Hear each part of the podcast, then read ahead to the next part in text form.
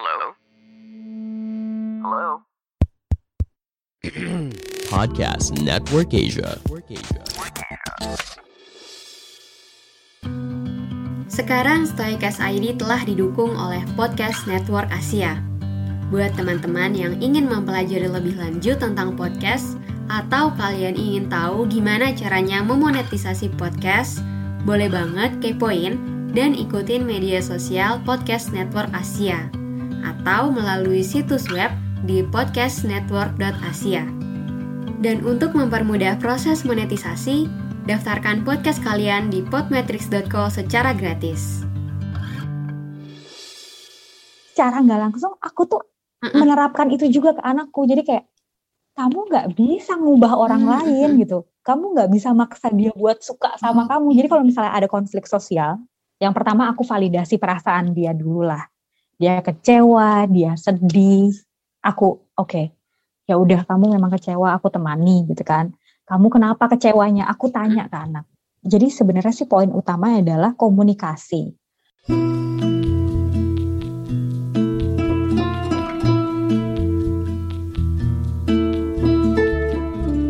Halo, apa kabar teman-teman? Berjumpa lagi dengan saya Sita Putri di episode terbaru Stoikas ID.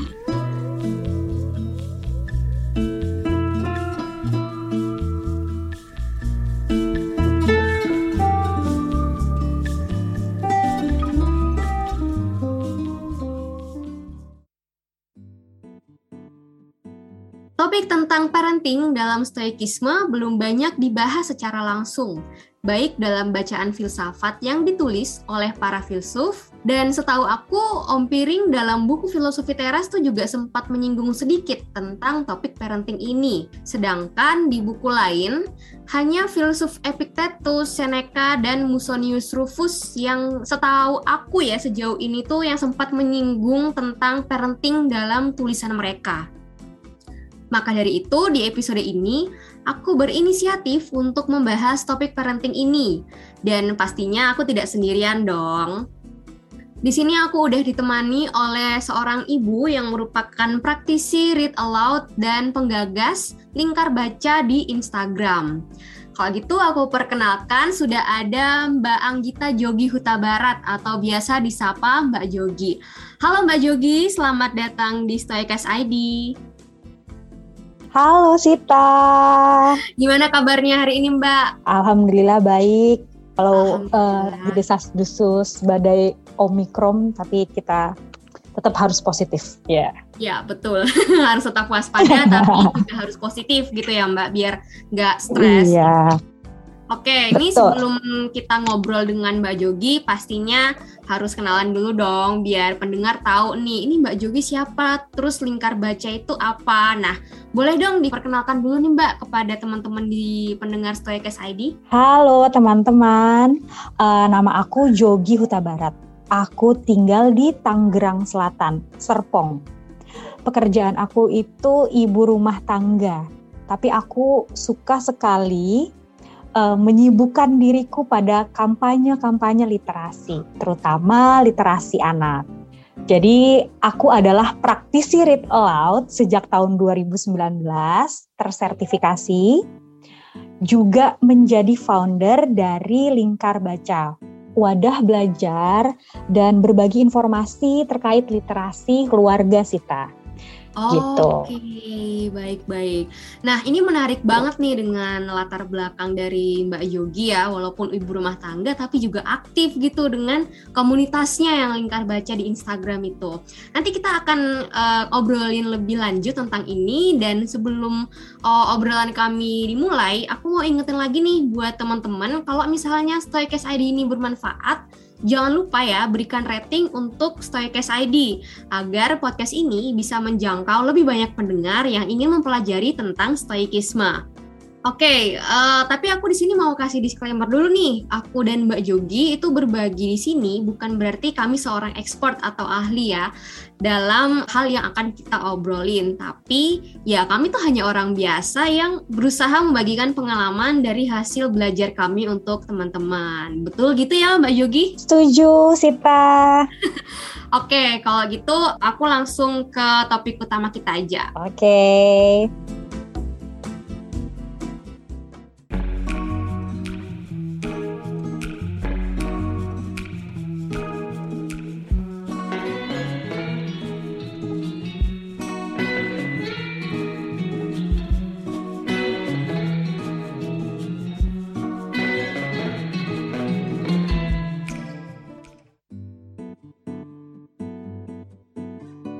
Praktisi read aloud itu apa? Soalnya aku tuh baru tahu kalau ada uh, praktisi read aloud dan bahkan ada sertifikasinya gitu. Aku baru tahu ketika uh, pertama kali aku dihubungi oleh Mbak Jogi di Instagram waktu itu.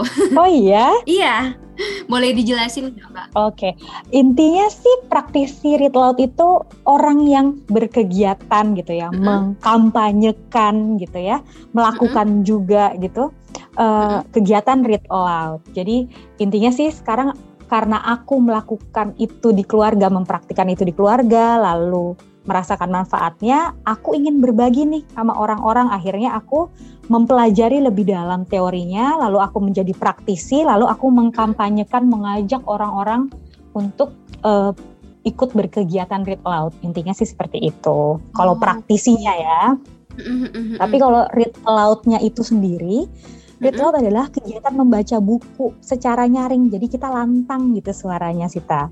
Oh. Nah itu memang biasa dilakukan uh, orang tua, guru gitu ya kepada anak-anak gitu. Tapi sebenarnya itu bisa dilakukan juga kepada siapa aja orang dewasa juga bisa melakukan read aloud itu. Tapi yang paling penting di read aloud ini adalah kegiatannya tuh dilakukan terus menerus kita konsisten. Oh. Dan poin utamanya suasana yang menyenangkan. Kita membangun suasana yang menyenangkan di kegiatan read aloud ini. Memang kenapa? Intinya kita ingin membiasakan, kita tuh ingin mengaktifkan, kita mendengar, menyimak, lalu kita tertarik dengan kegiatan karena menyenangkan itu, lalu kita tumbuh nih minatnya. Kalau kita sudah suka kan manusia ya otomatis kayak pengen lagi melakukan tanpa diminta gitu ya. Jadi iya, nggak ya, perlu disuruh-suruh baca, kita kayak malah tertarik sama kegiatan membaca. Nah, karena sudah tertarik, kita tumbuh minatnya, kita kita selalu pengen uh, membaca dan tujuan utamanya adalah semoga kita menjadi pembelajar sepanjang hayat. Intinya seperti itu sih. Oke, gitu. menarik nih. Aku baru tahu dan ketika dijelaskan tuh jadi kayak wah ini uh, apa ya keren banget nih. Soalnya dulu tuh aku share sedikit ya Mbak. Dulu tuh aku yeah. pas SD tuh pernah ikut lomba yang apa ya namanya sinopsis berbahasa Indonesia gitu dan wow. uh, di situ nanti ada yang aku harus menceritakan uh, kayak mm-hmm. cerpen yang aku bikin gitu di uh, orang-orang oh. yang di depan orang-orang yang uh, menjadi peserta dan juga jurinya gitu. Nah waktu itu aku menarik, ingat menarik. aku tuh juara tiga. Wah emang udah dari dulu berprestasi sih ya. Alhamdulillah gitu kan nggak nyangka kan. Nah, jadi uh, menarik sekali tentang read aloud ini ya teman-teman. Uh, Mbak Jogi aku lihat di Instagramnya kemarin itu uh, sempat posting tentang uh, baca buku filosofi teras nih. Nah, uh, yeah. boleh dong kepo Mbak, uh, apakah mulai uh, mengenal dan mempelajari filsafat stoikisme pada tahun 2019 ketika filosofi teras ini mulai terbit gitu? Iya iya memang awalnya sih aku belum pernah baca buku filsafat pokoknya kan kalau dulu kan filsafat berat udah deh pokoknya pusing lah pokoknya duluan. Bener banget. Stereotipnya seperti itu kan. Iya. Tapi waktu Om Henry Manapiring ini ngeluarin buku terus kayak booming, aku penasaran apa sih gitu. Iya terus aku belilah ya namanya juga best seller kan orang makin mm -hmm. penasaran filosofi teras apa gitu nah aku baca tahun 2019 itu eh mm -hmm. ternyata dong aku kayak langsung oh ternyata sebagus ini ya mempelajari filsafat ternyata sepenting ini ya gitu ternyata ba banyak banyak banget yang hal yang aku dapat dari buku itu. Dan buku yang baru aku baca satu-satunya tentang filosofi teras ya itu Henry Manapiring itu. Nah, Hmm, hmm, hmm, hmm. Jadi pas saat itu ada kayaknya aku kayak gini nih gitu. Eh iya bener nih harusnya kan kayak gini nih gitu loh. Jadi kayak Iya bener-bener benar. apa ya kayak aplikatif, relate juga. Terus kayak aku suka banget sama buku itu. Makanya pas aku udah selesai baca aku langsung eh ini langsung review dan eh bagus nih bukunya bagus nih bukunya aku langsung sebar ke teman-teman dan ternyata bener kan dari Iya. penerbit eh, dia dapat award Book of the Year kalau nggak salah. Kalau iya dari Ikatan Penerbit Indonesia Iya, bener banget. Nah, kalau melihat kondisi zaman saat ini nih Mbak, kan udah serba digital nih. Bahkan kita juga ketika merekam eh, podcast ini pun ya kondisinya masih virtual gitu karena posisi kita yang jauh gitu. Eh, pasti banyak lah tantangan gitu di, di zaman yang apa-apa itu dikit-dikit eh, virtual meeting, dikit-dikit eh, virtual meet up gitu. Nah sebenarnya eh, ada nggak sih tantangan gitu buat Mbak Jogi sendiri sebagai orang tua yang eh, mulai mengenal dan juga mempelajari filsafat stoikisme? tantangannya eh, sebagai orang tua ya gimana aku Ya. menyikapi anakku berarti ya Mm-mm. Eh, ya semua tuh perlu adaptasi sih sebenarnya. Sita yang penting tuh adalah ada adaptasi terus menerima intinya. Jadi Mm-mm. tantangannya pasti bagaimana aku dapat dengan mudah dan lancar menjalani adaptasi ini nih penyesuaian ini nih gitu. Mm-mm. baik aku pribadi maupun anak aku nih gitu kan. Karena kan kalau kita jadi orang tua kan nggak cuma kita sendiri nih yang diadaptasiin tapi kayak anaknya juga gitu Oke, bener banget. semua berubah kebiasaan berubah semua Mm. serba online semua serba digital yang tadinya kita bisa mengekspresikan diri lah secara langsung berkomunikasi secara langsung semua berubah nah, Mm-mm. tantangannya adalah gimana aku mendeliver ngasih tahu ke anak aku bahwa memang situasinya lagi berubah nih gitu Kalau kita yang orang dewasa, kita berubah, kita cari informasi sebanyak-banyaknya, kita set nih gitu ya. Kita set kemungkinan terburuknya gitu kan. Kita dapat informasi, wah ternyata ini nggak bisa nggak bisa cepet nih. Yang namanya pandemi pasti lama. Kita udah set dan sebagainya, kita mungkin lebih mudah.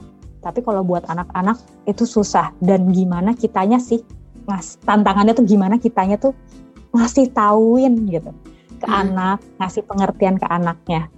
Kalau misalnya ini tuh kita lagi berubah nih, kebiasaan kita lagi akan berubah gitu. Oke, berarti eh, sebenarnya di masa pandemi pun juga sama ya istilahnya kalau misalnya udah di zaman yang serba digital ditambah dengan perubahan yang new normal di pandemi ini tantangan orang tua pasti akan semakin berat dengan adanya pandemi Iya. ini gitu.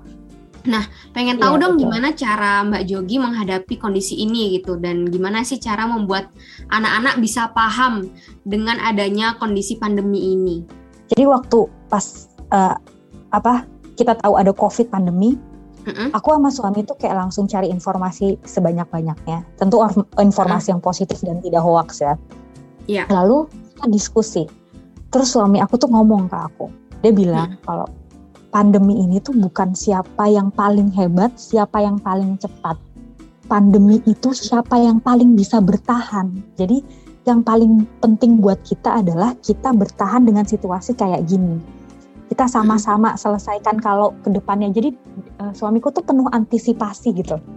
Jadi Oke. bukan bukan bukan berpikir negatif tid- tidak, tapi karena karena dari informasi yang didapat kita menyiapkan segala kemungkinan yang terjadi di depan. Karena kita menyiapkan itu, kita jadi kayak bisa meng, apa ya dengan cepat mengevaluasi setiap masalah yang muncul gitu Sita. Jadi kayak oh ini sudah diduga nih, misalnya kayak aku bete karena dia fokus kerja di rumah terus akunya ribet sama anak misalnya gitu ya Iya, ini benar. tuh udah diantisipasi di awal. Ada yang salah nih, entah akunya lapar gitu kan. Pokoknya kita Iya. udah udah antisipasi. Entah mungkin suamiku mukanya masam karena dia capek kerja tapi kondisinya di rumah dan aku capek terus ngeliat muka dia asam terus jadi berantem misalnya kayak gitu tuh. Itu tuh kita sampai diskusiin gimana. Tapi tentu nggak nggak terelak dari emosi negatif gitu ya, marah, terus kayak capek itu itu pasti ada sih tak. Cuma karena sudah diantisipasi, di awal kita balik lagi nih. Kita kan sudah udah bilang di awal nih, ini tuh perjuangan yang terus panjang. Jadi ayo sama-sama gitu. Terus uh, kalau ada kesel gitu ya, kalau ada itu kan pemikiran negatif banget nih, nih orang nih ketawa-ketawa sama teman kerjanya gitu kan, rapat di iya. kamar yeah. gitu ya. Sita ya kalau misalnya kita berkeluarga gitu, padahal istrinya lagi gelagapan ini ngurusin anak di luar gitu kan, kan kita yeah. Persepsinya udah negatif ya, apalagi mm -mm. ruang gerak juga kurang gitu. Tapi di situ karena kita udah tahu, oke, okay, jangan kayak gitu. Siapa tahu dia ketawanya basa-basi. Jadi kayak ada yang menahan gitu loh, ada yang nahan. Yeah. Oke okay, stop dulu. Itu tuh persepsi kamu doang nih Mm-mm. Kayak mungkin lebih baik kamu tanya deh nanti ke suami kamu gitu. Muka aku asem iya, tapi nanti aku tanya ke suami aku. Kamu kenapa sih tadi ketawa-ketawa? Orang lagi ribet banget, aku masak kewalahan. Karena kan nggak bisa jajan ya di luar ya, karena kita yeah. takut pandemi waktu awal-awal banget itu. Mm-mm. Enggak, itu basa-basi karena si bos si bos ketawa nggak mungkin aku nggak ketawa oke okay, oh oke okay. gitu jadi kayak oh, udah jadi oke okay, berarti aku nggak perlu marah gitu mungkin aku iya, memang bener. juga karena kesel capek gitu jadi kayak karena udah diantisipasi di awal jadi kayak lebih smooth aja gitu cerita. Hmm, hmm, hmm, hmm. Kayaknya uh, dari cerita yang Mbak Jogi jabarkan ya itu tuh masuk loh dalam uh, apa ya ajaran atau prinsip dari filsafat stoikisme yang premeditatio oh. malorum atau negative visualization. Bener nggak sih?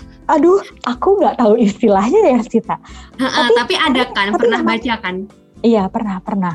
Jadi kayaknya memang aku tuh ingetnya dulu tuh aku diajarin di bukunya Om Henry Manapiring ini tuh kalau punya persepsi gitu ya, punya opini, mm -hmm. apalagi negatif nih ya.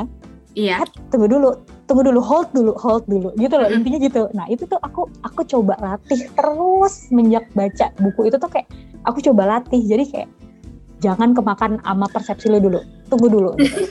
terus jadi jadi cewek kan biasanya kita langsung asumsi langsung udah langsung oh, pokoknya gitu gitu kan ya. Iya benar kita enggan kita enggan banget buat nanya. Nah itu tuh kalau di keluarga kayaknya susah deh. Nggak mungkin hmm, nggak mm -hmm. akan runyam kalau kita nggak komunikasiin gitu nggak nanya gitu. Akhirnya okay. aku biasakan oke. Okay, aku redam lah itu gengsiku aku tanya. Tuh nah dari situ memang jadi beda sita reaksi hmm. yang akan keluar. Karena kadang memang kita overthinking sih kalau kataku gitu. Jadi kadang memang harus ditanyakan. Iya, jangan iya, bener. biarkan pemikiran kita tuh jauh ke mana-mana. Iya, gitu kalau misalnya juga, tentang di keluarga sih. Yaitu teknik STAR ya yang stop terus thinking akses dan juga uh, apa akses dan iya, juga yes. respon. Mm -mm. itu aku ingat ah, banget iya itu kayaknya STAR. Iya, uh, dan juga uh, negative visualization ini yang dilakukan tadi kayak kita tuh mempersiapkan hal hal-hal terburuk gitu. Jadi ketika misalnya hal-hal itu benar-benar terjadi, kayak ya udah kan memang terjadi dengan sendirinya gitu. Kayak yang terburuk mungkin udah terjadi dan kita akhirnya mungkin uh, kecewa ada ya pasti sebagai manusia tapi setidaknya pasti, kita nggak berlarut-larut gitu mbak dalam emosi itu iya, betul nggak iya, sih jadi iya. kita tuh tahu oh ya beneran kejadian nih terus eh iya step selanjutnya apa gitu jadi kita bisa tahu kita bisa mm-hmm. mikir selanjutnya dengan apa ya uh, perencanaan yang udah kita buat gitu sebelum itu iya gitu setuju benar benar mm-hmm. Citra itu itu ya. itu itu berpengaruh banget sih dua tahun ini tuh terasa banget ternyata uh-uh. tahun 2019 tuh belum ada covid tuh waktu itu iya uh-uh. ya, ya, tapi pas pas tahun 2020 tuh kayak ah iya kepake banget gitu Jadi aku dari bukunya itu tuh emang gitu. pas banget ya terbitnya. Iya. Dan untung aku kayak mencoba gitu, mm-hmm. mencoba buat ngikutin. Dia kan praktikal banget sih Om Henry yeah. Manapiring nulisnya. Ada okay. kayak latihan gitunya loh mm-hmm. kalau nggak salah ya aku kepo dong terkait buku filsafat yang mungkin udah mulai diperkenalkan ke anak. Padahal kan kalau sekarang nih yang buku filsafat yang agak ringan tuh filokomik yang kemarin aku sempat review ya pas IG live itu. Yeah. Nah, uh, gimana nih cara mengenalkan kepada anak mbak tentang filsafat gitu? Khususnya tentang stoikisme ini. Mungkin nggak secara langsung deh ini filsafat stoikisme tapi ke lebih ke ajarannya atau prinsip-prinsip dasarnya gitu. Karena kan kalau misalnya kita mau cari sumber bu, uh, sumber belajar filsafat itu kan bukunya minim banget dengan yang namanya grafis Benar. atau ilustrasi gitu. Jadi susah buat memvisualisasikan Betul uh, filsafat ini seperti apa gitu. Gimana tuh? Betul, betul.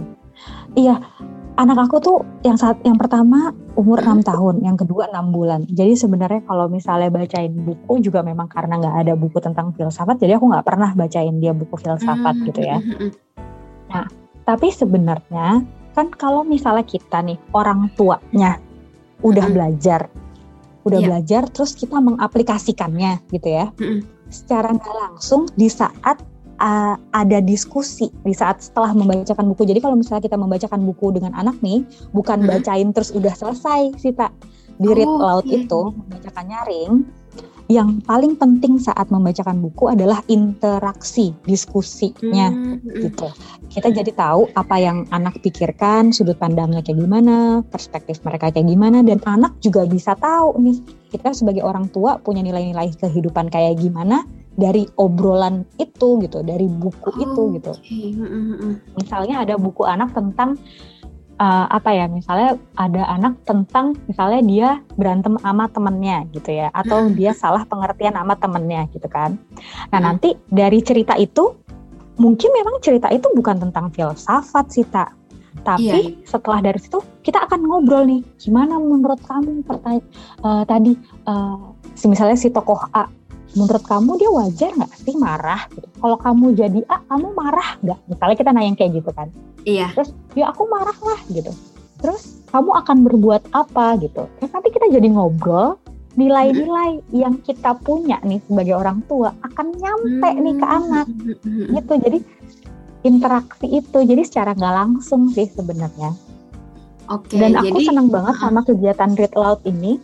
Ha? Kita tuh punya diskusi yang nggak menggurui karena kita punya media cerita nih di sini, media hmm. yang menyenangkan. Jadi masuknya tuh enak gitu. Oke, okay. uh, eh, jadi memang gini ya Mbak, uh, yang uh, kalau misalnya aku bisa tangkap dari jawaban Mbak Jogi tuh uh, bisa jadi dari buku anak yang dibacakan kepada anak ini uh, kita bisa ngobrol tentang nilai-nilai dari yang kita punya gitu dalam hidup yang bisa yeah. kita berikan ke anak dan dari situ yeah. mungkin percakapan tentang uh, nilai-nilai yang dibawa oleh filsafat stoikisme ini bisa diberikan nih ke anak bisa dikasih tahu walaupun nanti mm-hmm. uh, karena masih kecil kan anak itu nggak tahu oh ternyata mungkin ketika dia udah besar ketika dia udah mulai bisa baca buku filsafat dia jadi tahu dia jadi keinget oh ternyata ini yang mama berikan ke aku ya dulu kasih tahu tentang nilai ini loh ternyata. Mungkin kayak gitu ya mbak dia nggak nyadar gitu. Uh-uh. iya betul. dia baru sadarnya ketika Tapi, dia udah paham. Iya iya ketika dia tahu oh ini tuh nilai filsafat dari ibu tuh ini. Tapi iya. dia sudah melakukannya dia sudah tahu gitu. Dia kayak oh aku ngelakuin ini kok gitu. Kayak kita baca bukunya Henry Manapiring pas aku baca ya aku tuh kayak eh aku gini nih aku cuek banget sama omongan orang bodoh amat banget gitu. Aku kayak gini nih aku kayak gini yeah. gitu kan tanpa aku sadari, oh oke, okay, aku ternyata mengaplikasikan si filsafat uh, filosofi teras ini ya ternyata gitu kan sama juga kayak anak gitu. Tapi anak dapetnya dari mana? Dari kita orang tuanya gitu. Mm -hmm. Jadi memang uh, perilaku kita yang mencontohkan ke anak gitu ya, karena ya anak kan iya. lebih banyak kalau aku belajar psikologi karena kan aku latar belakangnya psikologi yang mbak aku cerita sedikit yeah. ya. Nah, karena uh, banyak nih yang eksperimen terhadap kayak namanya eksperimen itu uh, debu budolls. Nah, anak ini akan diberikan suatu uh, tontonan gitu. Seorang anak yang memukul-mukul boneka gitu. Nah, anak ini nonton nih diberikan tontonan itu setelah itu dia dibawa ke ruangan yang lain dan dihadapkan dengan boneka yang dilakukan oleh anak itu ya tentu saja dia memukul-mukul boneka itu gitu. Jadi Menarik. anak itu belajarnya dari uh, perilaku yang kita tunjukkan gitu di depan anak itu. Benar, benar. Iya, hmm. benar. Dan memang uh, anak tuh ya, kita dibanding kita kayak ngomel, gosok gigi, mandi hmm. gitu dan sebagainya. Udah contohin aja orang tuanya. Ah, iya benar. aja udah. Terus kayak hal-hal yang kayak udah baca buku nih, baca buku. Nah, salah satunya aku terinspirasi untuk bikin lingkar baca itu karena aku melihat fenomena uh, penekanan pada literasi anak kok jadi anak yang dibebankan, anak yang dikasih buku gitu kan, anak yang disuruh hmm, baca hmm. gitu. Tapi orang tuanya baca nggak sih gitu kan? Nah, aku hmm. terinspirasi tuh dari itu. Makanya aku buatlah lingkar baca kayak mengajak orang tua dan orang-orang sekitar anak di keluarga, mau kakek, nenek, om, tante, ayo baca jadi panutan membaca. Nah, poinnya adalah mencontoh itu, mencontoh perilaku. Karena aku memang juga percaya kalau misalnya kayak nyontohin itu akan jauh lebih masuk ke anak gitu. Oke, bener banget nih. Aku setuju dengan hal ini. Kan tadi tuh uh, kita udah bahas tentang uh, anak mencontoh perilaku dari orang-orang sekitarnya, apalagi orang dewasa. Iya. Nah, sebagai kita tuh makhluk sosial gitu ya, pasti kita uh, Iya. adalah uh, yang namanya bersosialisasi dengan uh, orang-orang sekitar gitu dan juga anak pasti Iya. bertemu dengan berbagai karakter manusia yang hal ini tuh nggak menutup kemungkinan gitu anak akan merasakan dinamika emosi gitu. Walaupun dia masih kecil tapi emosi itu pasti udah mulai muncul gitu kan. Dia, entah dia merasa senang sedih kecewa gitu. Dan emosi ini biasa disebabkan oleh tindakan orang lain. Kayak anak uh, bermain dengan uh, sebayanya gitu. Terus ada yang saling apa ya uh, ngambil mainan terus nangis gitu. Biasa kan gitu. Nah uh, gimana nih cara Mbak Jogi mengajarkan kepada anak-anak terkait hal tersebut kayak misalnya ada yang uh, berkelahi terus saling apa ya rebutan mainan kayak gitu gimana tuh Mbak? Ini memang menarik sih ya. Aku tuh pas baca uh, bukunya Om Henry Mana Piring Filosofi Teras tuh aku kayak memang anaknya dikotomi banget apa sih? Apa? Dikotomi, apa? Dikotomi kendali. Nah, kendali. Nah, itu tuh itu tuh kayaknya aku banget. Jadi Uh-uh. secara nggak langsung aku tuh menerapkan itu juga ke anakku. Jadi kayak Hmm, kamu hmm, nggak bisa ngubah orang lain gitu. Kamu nggak Oh. bisa maksa dia buat suka sama kamu. Jadi kalau misalnya ada konflik sosial, yang pertama aku validasi perasaan dia dulu lah. Dia kecewa, dia sedih. Aku oke. Ya udah kamu memang kecewa, aku temani gitu kan. Mm-mm. Kamu kenapa kecewanya? Aku tanya ke anak. Jadi sebenarnya sih poin utama adalah komunikasi. Nah komunikasi terus eh, validasi perasaannya dia wajar ya kalau misalnya kita kecewa sama orang Hmm. lain, kita punya harapan terus kita kecewa itu wajar banget. Kita yang orang gede aja selalu seperti itu apalagi anak-anak gitu. Iya benar. Terus kalau misalnya mereka mengekspresikannya, aku nggak masalah karena memang mereka harus meluapkan ekspresi itu kan. Misalnya sedih, nangis, marah gitu, oke. Tapi nanti kita ngobrol lagi nih, kayak kenapa kayak gitu. Terus dianya gitu ya, emang jadi aku fokus ke kamunya, ke anak aku. Emang Mm-mm. kamu mau kalau misalnya dia nggak suka sama kamu, kamu bisa paksa dia suka sama kamu. Coba kamu dipaksa suka sama sama orang lain mau nggak terus kayak iya sih enggak nah nanti lama-lama tuh anak menyadari itu gitu dan Oke. aku tuh jadi kayak malah terus nanya ke anak dan jadi diskusi dan un- intinya ya udah aku main sama yang lain aja lah nggak apa-apa gitu jadi kayak dia tuh tanpa menyadari bahwa oke aku nggak disukain sama teman yang ini gak masalah gitu kan aku cari jalan Iya. keluar lagi lah aku main sama yang lain di temen yang lain gitu jadi kayak yang Keren banget. jadi dia fokus ya udah aku nggak bisa nggak bisa ngubah orang intinya gitu. jadi kayak gitu jadi kayak dari obrolan-obrolan kalau dia lagi kesel sama temennya gitu kan keakuin terus kayak aku secara nggak langsung nggak tahu ya Sita kayaknya mungkin karena kita punya nilai orang tua tuh nyampe ke anak kalau kita banyak diskusi interaksi. Benar. Oke. gitu nah Jadi dan- eh, yang bisa aku tangkap Kalau- dari ah, penjelasannya Mbak Jogi tuh eh, yang penting kita ada komunikasi ya Mbak. Itu yang paling penting ya dengan Iya, anak. ya Mm, Nah, kalau misalnya anak merasa kayak eh, susah diajak komunikasi gitu, lagi nggak pengen kayak ngambek atau gimana, itu gimana nih Mbak Jogi menghadapi hal ini? aku biarin dulu dia untuk ngambil waktunya. Oke. dan aku kasih tahu kalau kamu udah tenang kamu butuh untuk teman cerita aku ada. Aku bilang gitu. Kalau misalnya Hmm. dia merasa kayak oke aku udah fine nggak masalah kok. Biasa aja. Misalnya kayak ini sebenarnya sepele cuma aku cuma butuh nangis doang.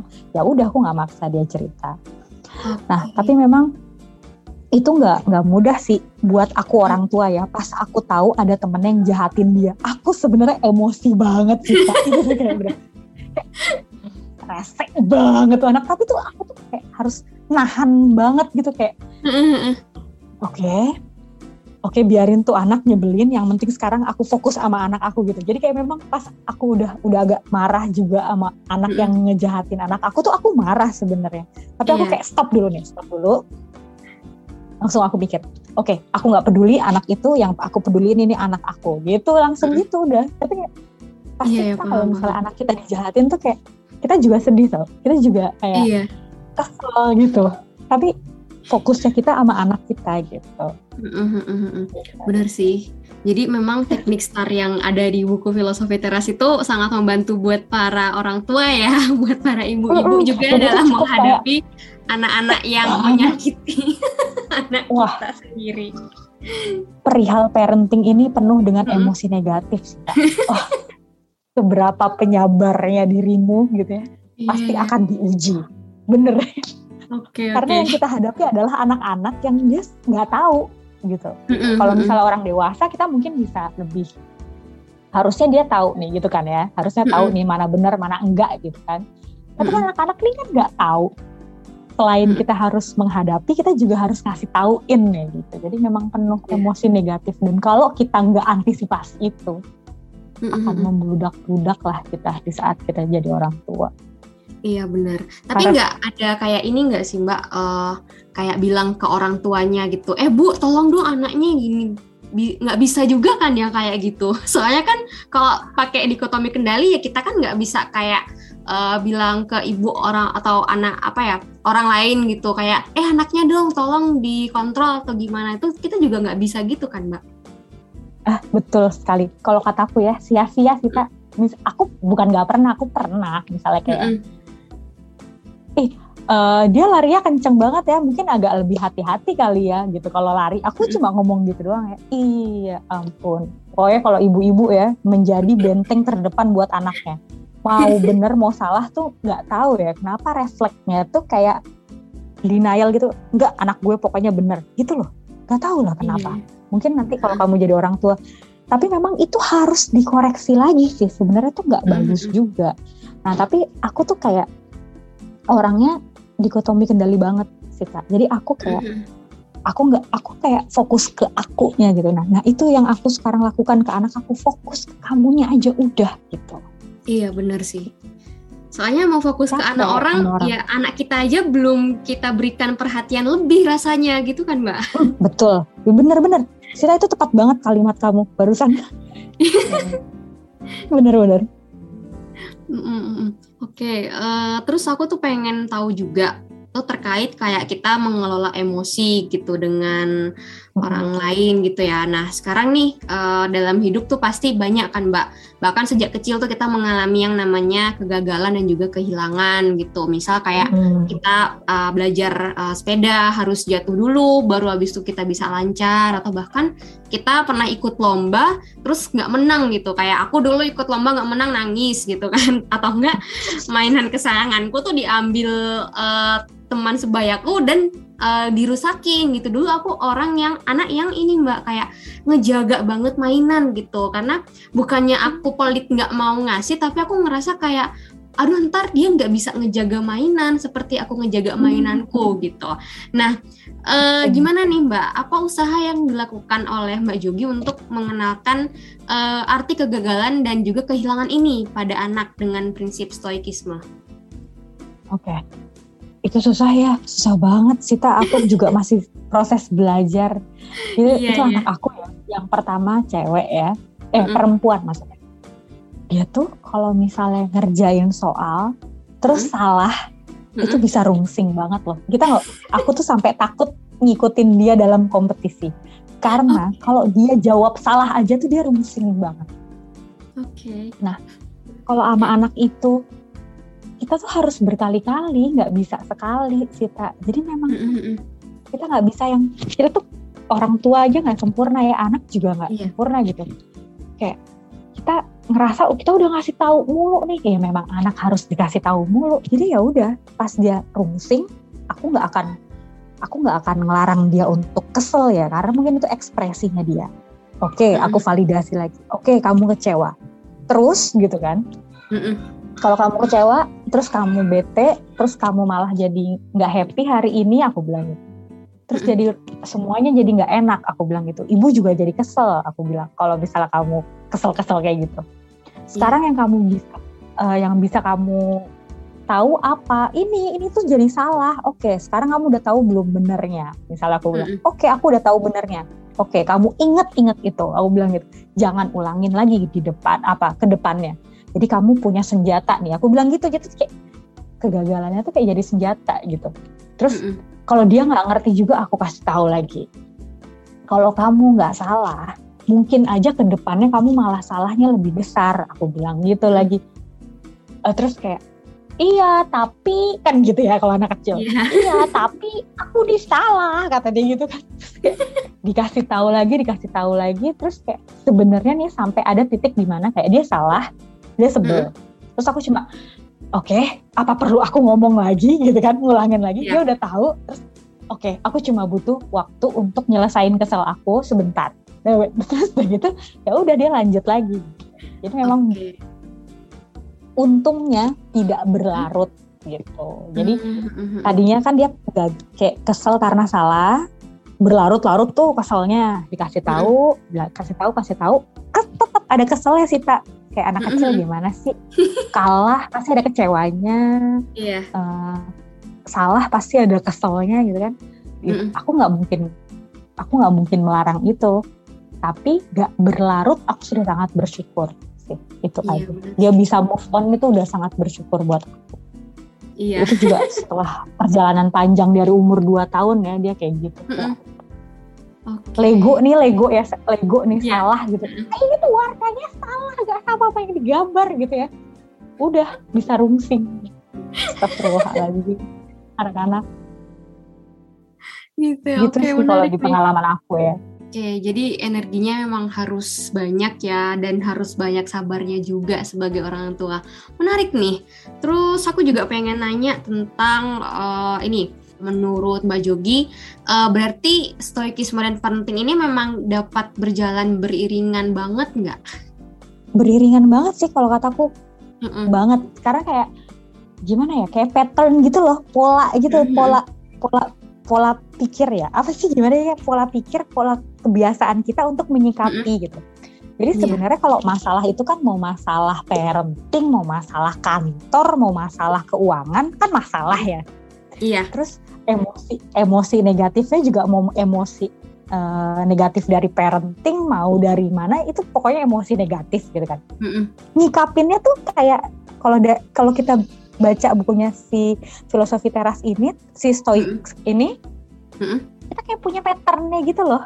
Kayak yang tadi yang aku kayak misalnya ada ada ada suatu opini atau perspektif yang udah negatif udah jelek nih stop, stop dulu stop dulu. Cukup tiga detik set oke tunggu dulu lebih baik tanya dulu gitu. cari tahu dulu yang lain eh, hal lainnya baru bereaksi gitu. Nah itu tuh itu pembiasaan gitu. Dan itu tuh bisa dipakai di di apa aja di bidang apa aja. Dan di parenting itu itu penting banget sih kayak gitu. Oke, Terus, hal-hal yang kayak mindful aku tuh ngerasa banget kalau misal pas kita jadi orang tua nih ya. Iya. banyak orang yang dulu aku juga pernah ada fase di mana kayak kalau aku masih kerja gitu ya dulu tuh gitu ya Iya. kalau aku dulu masih kerja aduh sekarang enak banget deh pakai blazer terus kayak ngeliat misalnya online shop aduh ini kalau gue masih kerja nih oke banget nih outfit yang ini gitu kan ya Iya. itu tuh kayak nggak terjadi kalau misalnya aku tuh mindful dalam pengasuhan sama anak aku gitu Mm. bener-bener kayak menikmati apa yang dilakukan aku dan anakku di rumah gitu tuh kayak aku nggak peduli di tempat lain aku nggak peduli waktu lain. Aku pokoknya senengnya sekarang. Aku nyamannya aku tentramnya tuh sekarang. Itu tuh kayak terasa Mhm. banget gitu. Dan pas baca bukunya filosofi teras ini oh iya ya benar ya. Ternyata kenapa aku kalau lebih mindful lebih ada buat pengasuhan gitu ya buat sekarang nih present pokoknya sekarang aku enjoy sekarang nggak mikirin masa lalu dan masa depan gitu Mm-mm. masa depan agak sih Sita soalnya kan serem ya buat anak juga. Cuma aku nggak masa lalu. Aku kayak lebih nyaman gitu. Aku hati aku tuh tenang gitu. Iya, jadi iya. kalau makanya kalau misalnya kalau ibu-ibu nih kadang suka gini. Malam-malam ngeliat anak tidur ya ampun bahagia banget gitu kan. Nah itu tuh Iya, benar. momen itu tuh kayak momen di mana kayak kita bersyukur banget. Kadang tuh bersyukur itu sampai nangis gitu loh Sita. Di situ kayak Hmm. bener-bener kayak ngelihat dia nafas tarik nafas Iya. anak kita nih lagi tidur itu kayak bahagia banget tenang banget gitu itu tuh kayak oh iya bener ya ternyata kalau kita hidup mindful present gitu sekarang Mm. kayak lebih baik gitu, lebih nyaman kayaknya lebih enak hal-hal yang kayak gitu. Nah, itu kan nggak nggak maksudnya itu kan ternyata pelajaran dari stoik gitu. Aku nggak tahu kalau itu pelajaran dari stoik dan ternyata itu berguna banget di parenting. Semakin aku tidak secara utuh mengasuh anak, semakin aku belagapan, amburadul. Anak nggak kepegang, toh kerjaan yang kegiatan lainnya juga nggak nggak kepegang gitu.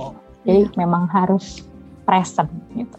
Oke, menarik. Eh, ini kita eh, udah masuk di pertanyaan terakhir dari obrolan kali ini. Nggak berasa ya.